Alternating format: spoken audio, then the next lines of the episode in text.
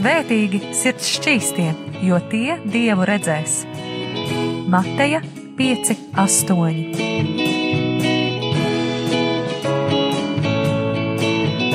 Piektdienās radio raidījums Tēva meitas.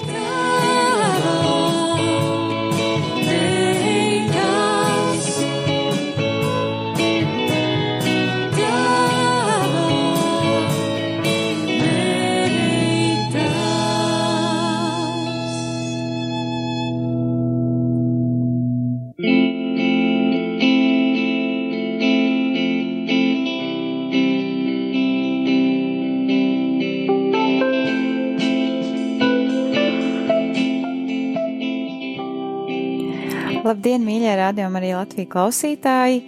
Ir piekdiena, nu jau 18.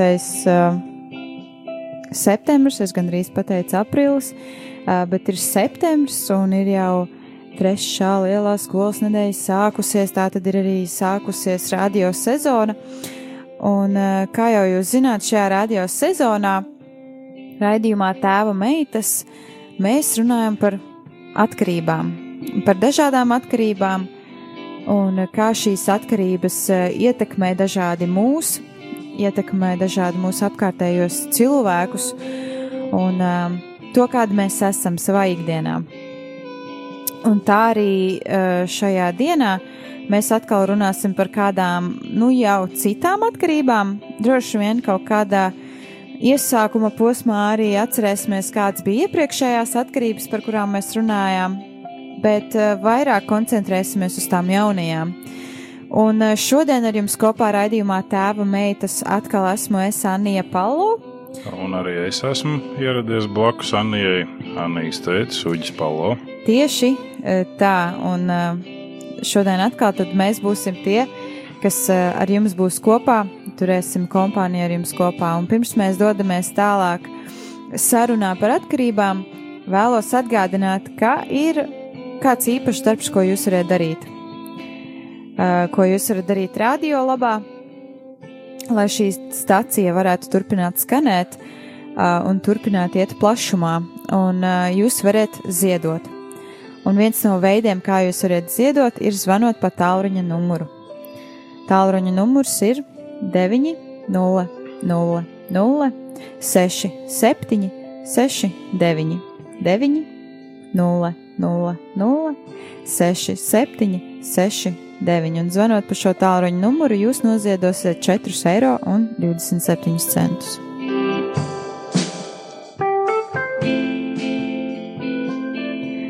Un, kā jau es pieminēju, šajā dienā ar jums kopā esmu Anija Palo un Uģis Palo, un mēs šodien runāsim par divu veidu atkarībām. Viena no tām būs atkarība no mīlestības, un uh, otra būs atkarība no bēgšanas. Lai gan jau atkarība no mīlestības mēs esam pieminējuši kādos iepriekšējos raidījumos, bet šoreiz tas būs uh, viens no tiem galvenajiem atsauksmes uh, punktiem. Uh, jā, nu, un uh, šeit ir tas interesantais aspekts, ka tad, kad mēs skatāmies uz mīlestību, tad mēs sakām, vai tad var būt iespējams, ka cilvēks var būt atkarīgs no kaut kā tik dievišķa, tik gaisīga, tik skaista, tik laba kā mīlestība.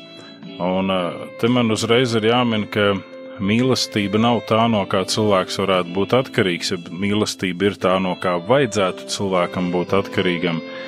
Bet tas, ko mēs šodien mūsdienīgi redzam, tas vairāk ir saistīts ap kaisli, tas vairāk ir saistīts ap šo iekāri mm. un ap šo iekāras piepildījumu, ko cilvēki bieži pakļauj vārdam mīlestība. Jo, piemēram, ja mēs skatāmies uz vārdu mīlestība, un atvasināts ir mīlēties, bet tas nav tas pats, kas, uh, precīzāk, tas nav saistīts vienmēr ar mīlestību. To es gribēju teikt, jo uh, cilvēks var mīlēties arī bez mīlestības. Viņam ir vienkārši iekāra, viņam vienkārši ir uh, nepieciešamības, un viņš mīlējās. Bet tas nav saistīts ar mīlestību, kur pretī nevienmēr cilvēki, kuri mīl viens otru, piedzīvo šo mīlēšanās fāzi, tā kā mēs mēģinām to iztēloties un redzēt, ka normālās attiecībās tas ir tā vai tas tā nav. Mums ir ļoti daudz stereotipu šajā jautājumā. Bet būtiskākais ir mums saprast to, ka tajā brīdī, kad mēs augam, mums izveidojās zināms vakums no tā, eh, kas mums pietrūkst. Un mums bieži pietrūkst varbūt pieskārienu, mums bieži pietrūkst eh, kaut kādas cilvēciskas attiecības starp vecākiem bērniem, starp brāļiem un māsām, un līdz ar to mēs nonākam tajā fāzē, ka mēs esam kā tādi sūkļi, kuriem ir daudz poru, kuras var piepildīt ar kaut kādu šķidrumu, bet vai tas, ar ko mēs piepildām, vienmēr ir tas, ar ko vajadzētu piepildīt? Ir gan bieži situācijas, kad jaunieši sacelšanās kārtā pret vecākiem saka, viss, ko vecāki ir darījuši, tas viss ir bijis nieks, nekas nav bijis vērtīgi, un tagad mēs dzīvosim savu dzīvi, un mums viss būs kārtībā, mēs dzīvosim atsevišķi, mēs iesim prom no vecāku mājām. Uh, varbūt ir veselīgi jaunietim aiziet un sākt savu dzīvi un saprast, ka par visu šai dzīvē ir jāmaksā, jo gan bieži dzīvojot ar vecākiem kopā, jaunieci nepamana to daļu, kuru maksā vecāki. Bet tāpat laikā dzīvojot kopā ar vecākiem, jaunieci pamana to, ko vecāki dara ne tā, ko vecāki uh, nosaka ne tā, vai kā vecāki rīkojās ne tā, un viņš saka, viss, es gribu būt brīvs, es gribu mm. lidot.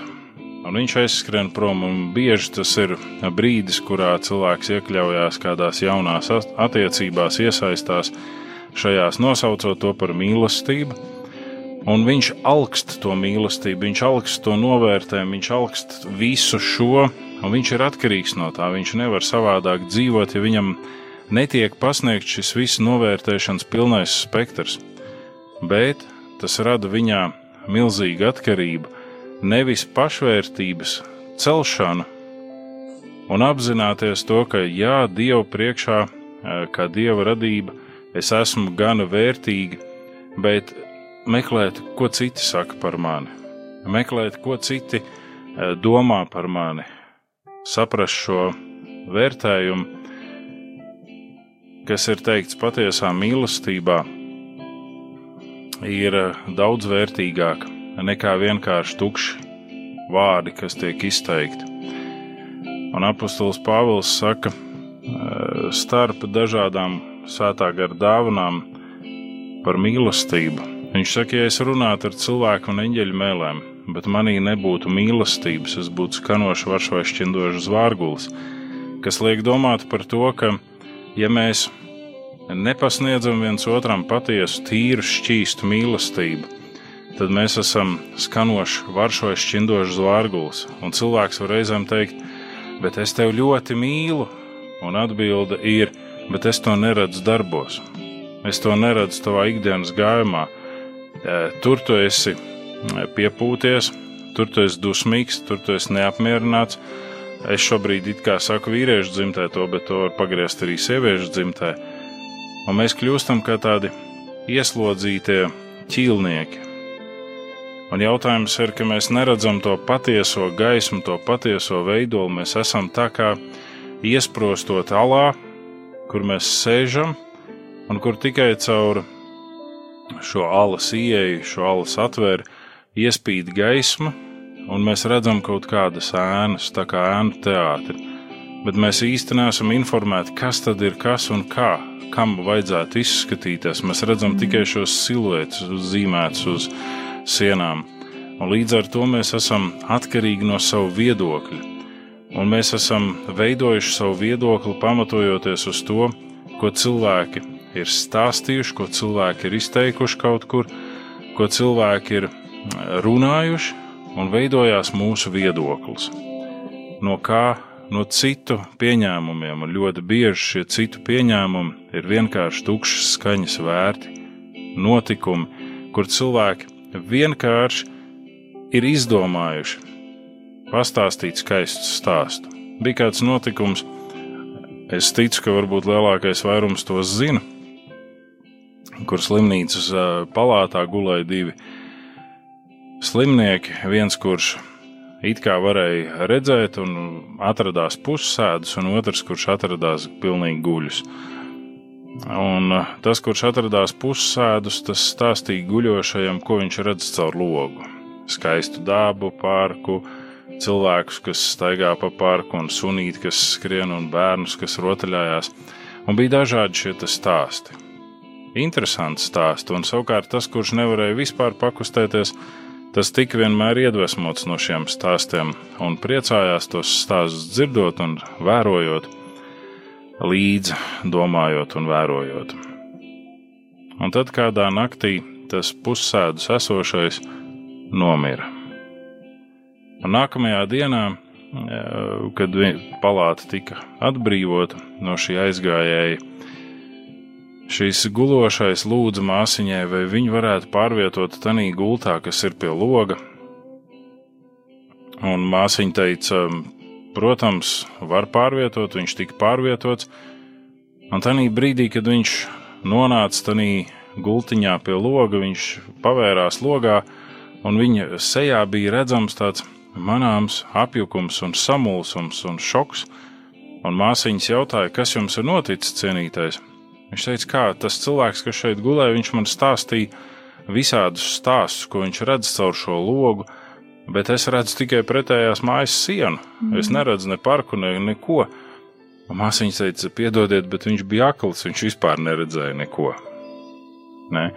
Un līdz ar to mums reizēm, es šoreiz šo gribu izmantot kā tādu mīnus stāstu, mums rodas ilūzija no tā, kā vajadzētu būt, jo citi ir stāstījuši, kā tas ir viņiem, citi ir līdzdalījuši, bet tā nav patiesība. Ne? Un līdz ar to mēs piedzīvojam šo mīlestības trūkumu, un kur radās mīlestības trūkums, tur radās arī atkarība. Un, ne tikai atkarība no mīlestības, bet pakļaujoties mīlestības atkarībai, rodas arī visāda veida citas atkarības. Un uh, pirms mēs arī dodamies tālāk, uh, Uģis arī vēlās nolasīt kādu citātu. Es vēlos atgādināt arī kādu citātu, ko ir teicis kāds uh, mācītājs, ko es jau pieminēju savukārt iepriekšējā reizē, un šis citāts ir lielākais grēks, kuru mēs mūsdienās sastopam, ir mīlestības trūkums. Un uh, arī šis mīlestības trūkums ir atkarīgs no mums, cik mēs esam paši gatavi dot mīlestību citiem un cik daudz mēs esam gatavi varbūt ne atdot sevi, bet drīzāk atvērties un tajā pašā laikā arī nospraust kādas robežas un pateikt, nē, šoreiz mēs darīsim tā, nē, šoreiz mēs neiesim tik tālu, un tas arī kaut kādā ziņā saistīts ar to, ko mēs runājām jau pirms divām sezonām, ja nemaldos tieši par šīm attiecībām un par šķīstību, ka meitene Kaut vai arī puisis nav starpība, meitene, puisis, kas spēj nospraust šīs robežas un teikt, jā, es tevi mīlu, bet es tomēr arī mīlu Dievu un es esmu gatavs viņu likt pirmajā vietā. Te ir tas uh, aspekts, ka tas, ko ir minējis mācītājs Molčānovs, tas ir ļoti vērtīgi mums kā ticīgiem cilvēkiem, mums kā draugiem vienmēr to redzēt un paturēt prātā. Mm jo mācītā Molčānova būtiskākais uzstādījums ir tas, ka nevis mēs dodam mīlestībā visatļautību, mm. bet mēs mīlestībā nosakam robežas, kur cilvēki apstājās un saka, ok, es sapratu. Mīlestība tā tad ir tā, kurai ir arī savas zināmas robežas. Mm. Ne? Bet mīlestība vēl paralēli ar šīm robežām dod otro iespēju. Un tādas žēlstības iespējas. Jā, žēlstības iespēja, un tādas otrās iespējas var būt daudz. Kaut arī viņi saucās otrā iespēja, bet tā tiek dota atkal un atkal. Un tur redz, jā, tas cilvēks ir tā kā piecēlies kādu brīdi iet, tad viņš krīt. Un tu viņam dod atkal iespēju, nevis pasakot, viss šis bija pēdējais kritiens, viss pietiek. Mm. Tas ir baznīcas un ticīgā kontekstā. Tad, kad mēs runājam par ģimenes kontekstu, mums vajadzētu būt tā, ka nenotiek šī krišana. Jo tad, kad mēs runājam ģimenes kontekstā par krišanu, tad tur ir jāredz fiziskā vardarbība, emocionālā vardarbība un seksuālie pārkāpumi. Un tas ir tas smagais brīdis, kur mēs sakām, bet viņš vai viņa mani sita. Mm. Ne? Ja nav šī sišana, viņš vai viņa mani emocionāli kapā visu laiku nost. Pazemo. Pazemo, nostājās atklāti pret mani, runā pret mani, uh, bērnus noskaņo pret mani. Nu, dažādā veidā mēs varam runāt. Un šobrīd jau ir tas brīdis, kad par šo emocionālo vardarbību arī runā kā par vardarbības aspektu. Bet cilvēki to pat neapzinās. Brīžam, ka viņi ir emocionāli varmāks, jo tas ir vienīgais veids, kā viņi grib dzīvot. Jo viņi tā ir mācījušies no saviem vecākiem, skaldi valdi, tikai mans ceļš, manas iekāres, tas, ko es gribu. Un reizēm šiem atkarīgajiem no šīs emocionālās vardarbības ir sajūta, ka tas otrs cilvēks mani neievēro, ka tas otrs cilvēks mani neredz, bet patiesībā ir otrādi. Un šī patiesība atklājās tajā, ka vienmēr cieš nevainīgās personas, un tie ir bērni. Un tā tad, tad ir seksuālie pārkāpumi, kur mēs redzam, ka cilvēks saka, es visu varu piedot, bet ja man otra puse aiziet un izmaina šajā mīlestībā, šajās attiecībās, pārkāpja laulību, to es piedot nevaru. Ne? Tie ir ļoti smagi aspekti. Protams, tur vēl pastāv arī pa vidu visam izvarošanas aspekti. Mēs nerunājam par šāda veida krišanu un atkal celšanos, bet mēs runājam par tādu veidu krišanu, ka puisis vai meitene ir atkarīgi no jebkā, piemēram, no datorspēlēm, piemēram, no neliederīgas laika pavadīšanas, jeb laika nepavadīšanas kopā. Un ir šī labā apņemšanās, un notiek cikliska laika pavadīšana kopā, un tad pēkšņi atkal viņš vai viņa aizmirst par šo laika pavadīšanu kopā. Un mēs piedodam.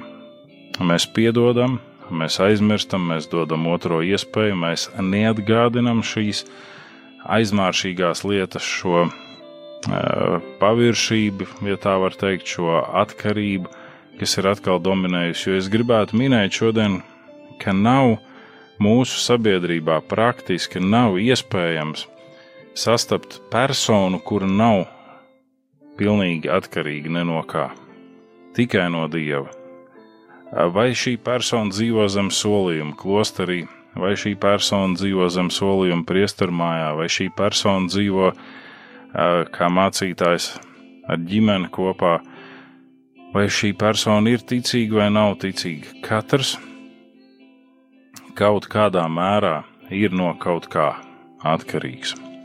Un tas ir tas, kas mums ir jānovēl kā tāds pamata aspekts šajā brīdī. Un uh, mīlestības trūkums, kā grēku grēks, varētu būt šajā draudzes kontekstā, arī ģimenes kontekstā. Pirmkārt, es uzskatu, ka cilvēkiem, lai kā gribētos, bet nevajadzētu nodarboties ar seksu, ja nav mīlestības. Ne? Un nevajadzētu tiekties pēc iespējas ātrāk, ierāpties gultā vai ieraut to, to otru personu gultā, ja tur nav mīlestības ka tikai būtu šis apmierinājums, un gan jau mīlestība radīsies, neradīsies. Mīlestība ir kaut kas tāds, pie kā ir jāstrādā. Un ir jāsāk ar šo strādāšanu pie mīlestības, un tad tas pārējais viss būs.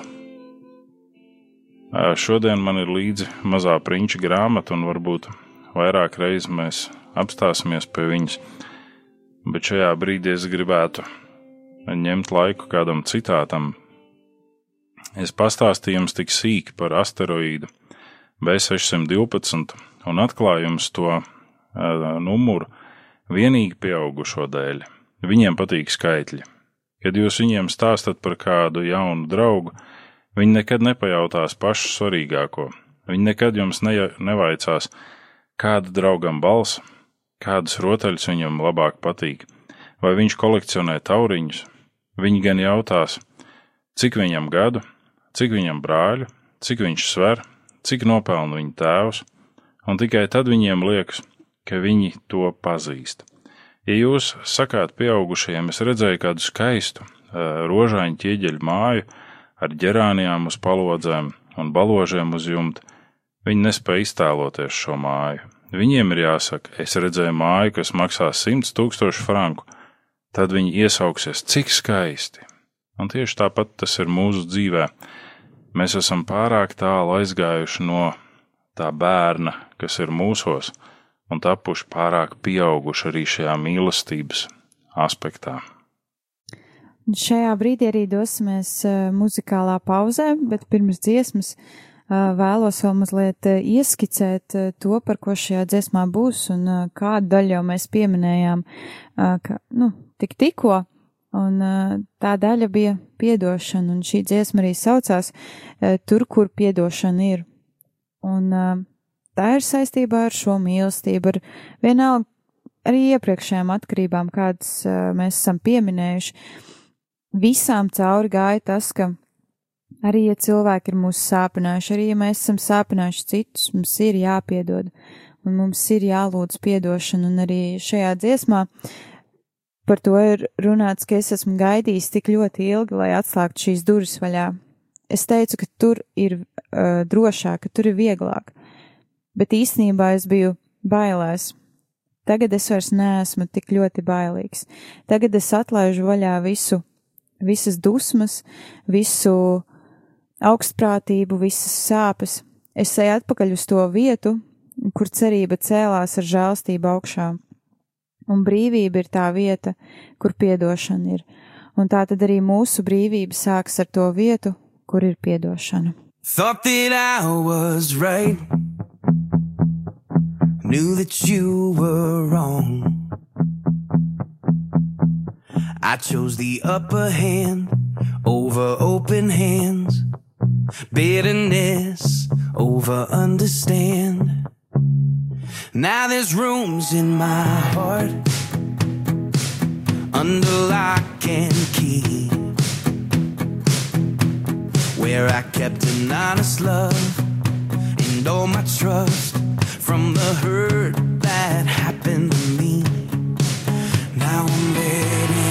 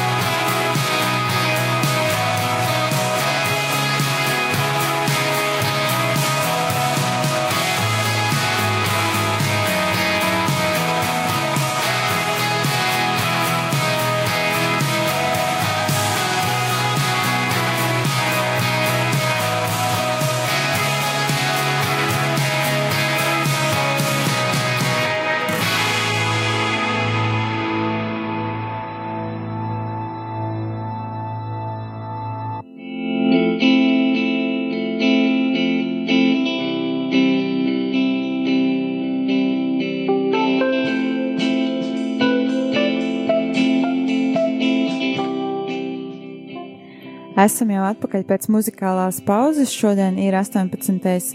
septembris, un ar jums kopā esmu Sanija Palo, un ar mani kopā ir Uģis Palo.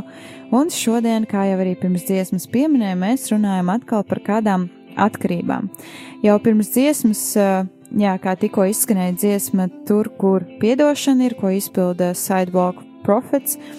Un jau pirms dziesmas mazliet īstenībā jau tas nebija mazliet, bet tas bija diezgan daudz. Mēs runājām jau par atkarību no mīlestības. Vai tāda vispār var būt, kāda tā ir, kāpēc cilvēkiem tāda rodas un kā ar to cīnīties, vai kā to drīzāk um, nekairināt un neradīt vairāk par atkarību, tā ka var notikties kaut kas slikts.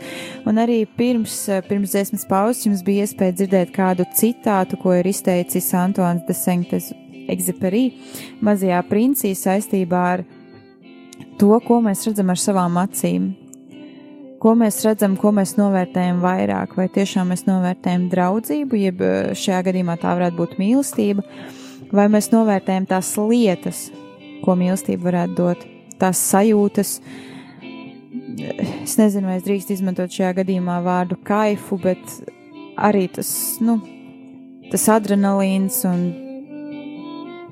Jā. Es pieņemu, ka tur ir uh, laiks, kurā ir šis, eh, ko tu pieminēji, tā kā kaifa aspekts, ir tā kā šis pārākā prieka aspekts. Un tomēr eh, mīlestība sākās ar sevis sakārtošanu. Nevis ar to, ka es atrodu personu, kas atbildēs uz visām manām vajadzībām un aizpildīs visus manus tukšumus, bet es atrodu sevi, Un šeit es nerunāju par tādu lietu kā pašapmierināšana, kā šodien mēdz teikt, vai ne, vai tam līdzīgas lietas, ka man ir jāiepazīst sev visā pilnībā. Nē, šeit es runāju par to, par ko Exuperī runā mazajā princī. Tā ir šī pieredzējušā pilota, kara veterāna sastapšanās ar savu bērnu kaut kur nekurienes centrā Uh, un sarunas ar savu bērnu. Varētu teikt, tuksnesī. Jā. Satikšanās ar sevi un savu bērnu tuksnesī. Un tad, kad mēs satiekamies tuksnesī ar savu bērnu, to, ko mēs gadiem esam noslāpējuši sevī, tad šis bērns uzdod mums milzumu daudz jautājumu, uz kuriem mēs kā pieaugušie pat nespējam atbildēt. Un jūs varat kādreiz ņemt šo grāmatu un lasīt, un nevis lasīt kā mazu pasaku grāmatiņu, bet lasīt kā grāmatu, kur tu sastopies ar savu iekšējo pasauli, ar savu noslēpto bērnību, ar savu varbūt pat nebijušo bērnību, ar jebko, kas ir pagājis. Ja tu kā bērns tik ļoti centies būt pieaudzis, tu skrēji pakaļ visam iespējamam, lai tikai augtu, pēc iespējas lielāks. Es atceros sevi mazākos uh, gados, kad es biju tāpat jau es biju garākais puisis klasē. Jā, bija kāds brīdis, kad kāds meitenes pārauga pēc vasaras zēnus, un tad atkal zēns stiepās un meitenes stiepās, un, un gribējās vienmēr būt tam garākajam, tam lielākajam, un gribējās būt tam pieaugušākajam. Bet mums ir jāatpazīst un jāsaprot, kurā brīdī mēs tendenciozi tiecamies būt lielāki un kurā patiešām mēs esam pieauguši. Un šobrīd ir tas brīdis, kad varbūt es domāju savā dzīvē, kāpēc es kādas zināmas lietas neizdarīju ātrāk, kad varbūt tas bija vienkāršāk izdarāms. Bet es zinu to, ka Dievs visu manā dzīvē pieļauj ar kādu zināmu mērķi, ar kādu zināmu plānu. Un tas nav tā, ka, ah, ja es to būtu izdarījis ātrāk, tad būtu labāk jo varbūt tieši tas, ko es daru šobrīd, sarežģītākā procesā, es iegūstu ar labāku kvalifikāciju. Palīdz iespējams arī šajā brīdī vai uh, dzīves mirklī pieaugt kaut kā vairāk, kaut kādas robežas atkal. Uh, Nu, tās robežas, sliktās robežas, kas mūs ierāmē, vai kā pārkāpt un, un, un, un salauzt. Jā, ne, un Un tu saproti to, ka tu esi kaut kādā brīdī palaidis vējā šo savu sastapšanos ar savu bērnu iekšējo.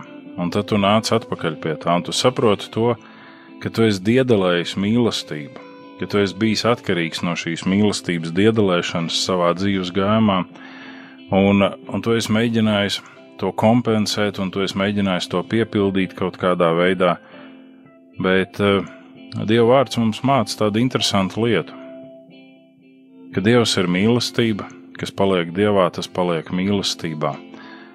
Un šajā visaptverošajā mīlestībā tas nozīmē, ka tev ir pietiekami ar to, kas tev tiek dots, ar to, kas tev ir. Pat ja tu gribētu vairāk, tev ir pietiekami ar to, ko Dievs tev dod, un mēs kā cilvēki varbūt vienmēr gribam vairāk. Ne? Un es domāju reizēm par Dievmāti Mariju, un tieši par šo viņas dzīves gājumu, Viņai varbūt gribējās vēl daudz ko vairāk un savādāk. Bet Dieva gars nāca pār viņu un teica, tu kļūsi Dieva dēla māte. Un tad sākās tas viņas dvēseles tumšās nakts posms, kur viņa nezināja, kā būs, kas būs. Tad Jāzeps grasījās viņu pamest, tad tomēr nē. nē. Kā tas viss notiks? Un lai Dievs patiešām ir žēlīgs mums katram, vada mūsu uz pilnību katru, un lai mēs apstājamies un palaidām brīvā plūsmā mūsu dzīves gājumu, tādā virzienā, ka nevis tiecamies pēc naudas, nevis tiecamies pēc ambīcijām vai pēc varas, bet tiecamies pēc tā, lai mēs varētu sastapties ar savu bērnu un dievu klātbūtnē, lūgšanās un tam līdzīgi risināt šos jautājumus, kurus uzdod mazais princis, kurus uzdod tas bērns, kas ir mūsos, kurus uzdod tie neatrisinātie filozofiskie dziļumi, kas ir mūsos noslēpti. Nē, un, un ļausim sastap, sastopoties ar mazo princi, ļausim sev saprast to, ka mēs ik viens no jebkura vecuma, no jebkura līmeņa, esam atbildīgi par tiem, kurus mēs pieradinām. Un mēs nevaram uzņemties kaut kādas rūpes uz īsu brīdi un pēc tam to visu palaist vējā. Mums ir jāturpina rūpēties par to, ko mēs pieradinām. Un ļoti laba, varētu teikt, multene vai multiplikācijas filma šajā ziņā ir kā pieradināt puķi jo tur tieši arī ir šis it kā dzīvnieciņš puķis, kuru cilvēks ir pieradinājis, un viss, nu, vairs nevar tikt vaļā. Un tad arī kā mazais princis, nu, kā arī tu tikko uģi teici, ka mums ir jābūt atbildīgiem par to, ko mēs pieradinam. Jā, tam puķim ir stiķi un niķi, jā, tas puķis tur mēdz palaidnības darīt vai kā, bet tomēr mēs uzņemamies atbildību un mēs esam ar to puķi kopā un Tas ir arī mūsu dzīves gājumā. Mēs gribam norauties, bet mums vajag vienmēr atturēties un paturēt sevī to skaidro prātu, to skaidro gribu, ka šī noraušanās neko labu nedos. Ja mēs norausimies uz alkohola lietošanu, mums nākamā dienā sāpēs galva un būs izsvītrots no mūsu dzīves gājuma kāds posms kur vienkārši mēs neatcerēsimies. Ja mēs norausimies uz attiecībām, būs mirklis prieka, un pēc tam būs līdzīgi tā kā es šodien lasīju kādā jokā, kur uh, sarakstās divas draudzenes, un viena raksta otrai, piedod, man te ir kaut kas jāsaka, bet laikam es tev sabojāšu visu dzīvi un visu dienu. Un tā otra saka, sabojās, man jau tāpat šī diena ir sabojāta. Es pateicu savam uh, vīram, uh, ka es gaidu bērniņu, un viņš aizgāja no manis, tā kā man diena ir sabojāta. Ā, mīļā, tad es tevi iepriecināšu. Es nu pat uz gājēju pārējais notriecu tavu vīru, vai ne? Un, un tas ir tas moments, kur mēs apstājamies un saprotam, ka mums ir jābūt atbildīgiem. Mums nav jāsteidzās, mums ir jāatrod sevi, un mums ir jārūpējās par tiem, kurus mēs pieradinām, un nevajag norauties cilvēks noraujās uz šīm seksuālajām attiecībām, un tam var sekot grūtniecība, tam var sekot visādas citas problēmas, kuras mēs neesam paredzējuši, kas patiesībā nebūtu problēmas, ja mēs to darītu īstajā brīdī, bet tad, kad mēs to darām ne īstajā brīdī, tad tas rada problēmas. Un līdz ar to mums ir jāpaliek šajā dievišķajā šķīstībā, dievišķajā tīrībā un jāvirza savas dzīves ceļš uz priekšu, tuvāk dievam, tuvāk skaidrībai. Un lai Dievs patiešām svētī katru jaunieti, lai Dievs patiešām svētī katru pieaugušo, kas klausās šo raidījumu, un lai mēs spējam ieturēt šo vēlamo distanci, ka mēs meklējam savu prieku savā kungā. 37. psalmā saka, un ka mēs apzināmies, ka Dievs ir mīlestība un kas paliek Dievā, tas paliek mīlestībā. Lai mums nav jādiedalē šī mīlestība un lai mums nav neviens jāpadara atkarīgs no mums un pēc tam jāpamēta. Paldies, Uģi, ka dalījies par šo atkarību no mīlestības. Un, uh, teikšu godīgi, ka tad, kad es plānoju, par kādām atkarībām mēs runāsim, un uh, kāds būs raidījums, es biju ieplānojis divas atkarības, bet šodien vairāk izskanēja tieši viena. Bet tas nekas, jo mums vēl ir daudz laiks, un mēs varam arī nākamajos raidījumos runāt par citām atkarībām. Un es vēlos atgādināt, ka mūsu raidījumus jūs varat klausīties uh, Hirdis arhīvā vai arī arhīvā, kas ir RML mājaslapā rml.lv sadaļā, manuprāt, klausies, un tad apakšā varētu būt arhīvs, un tad tur arī varētu atrast mūsu raidījumu, un arī Hirdis arhīvā ierakstot rādījumu arī Latvija. Jūs varat atrast mūsu raidījumu tēva meitas un dzirdēt vairāk kādus raidījumus, un vēl par mums jūs varat uzzināt vairāk uh, Facebookā, Softlaiks meitnēm vai arī Instagramā tēva meitas. Un uh, tā arī šodien es un uh, Uģis no jums atvedamies un uz tikšanos jau nākamajā reizē, nākamajā nedēļā, kad mēs runāsim vairāk par atkarību no bēgšanas un pieskarsimies vēl kādām atkarībām. Uz tikšanos! Atā.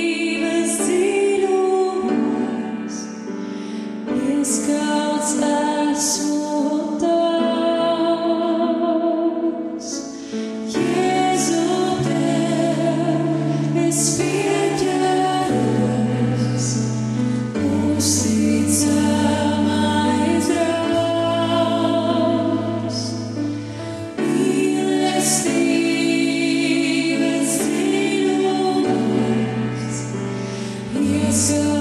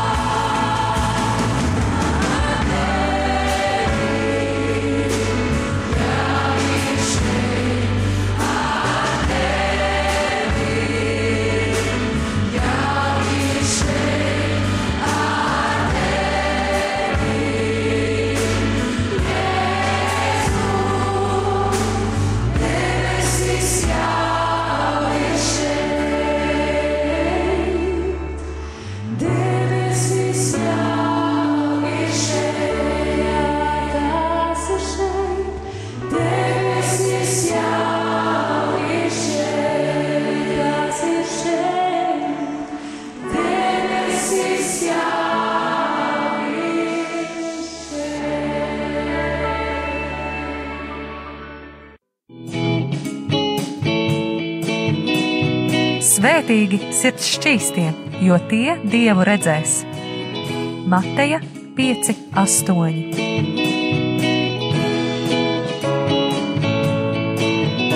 Piektdienās radio raidījums Tēva meitas.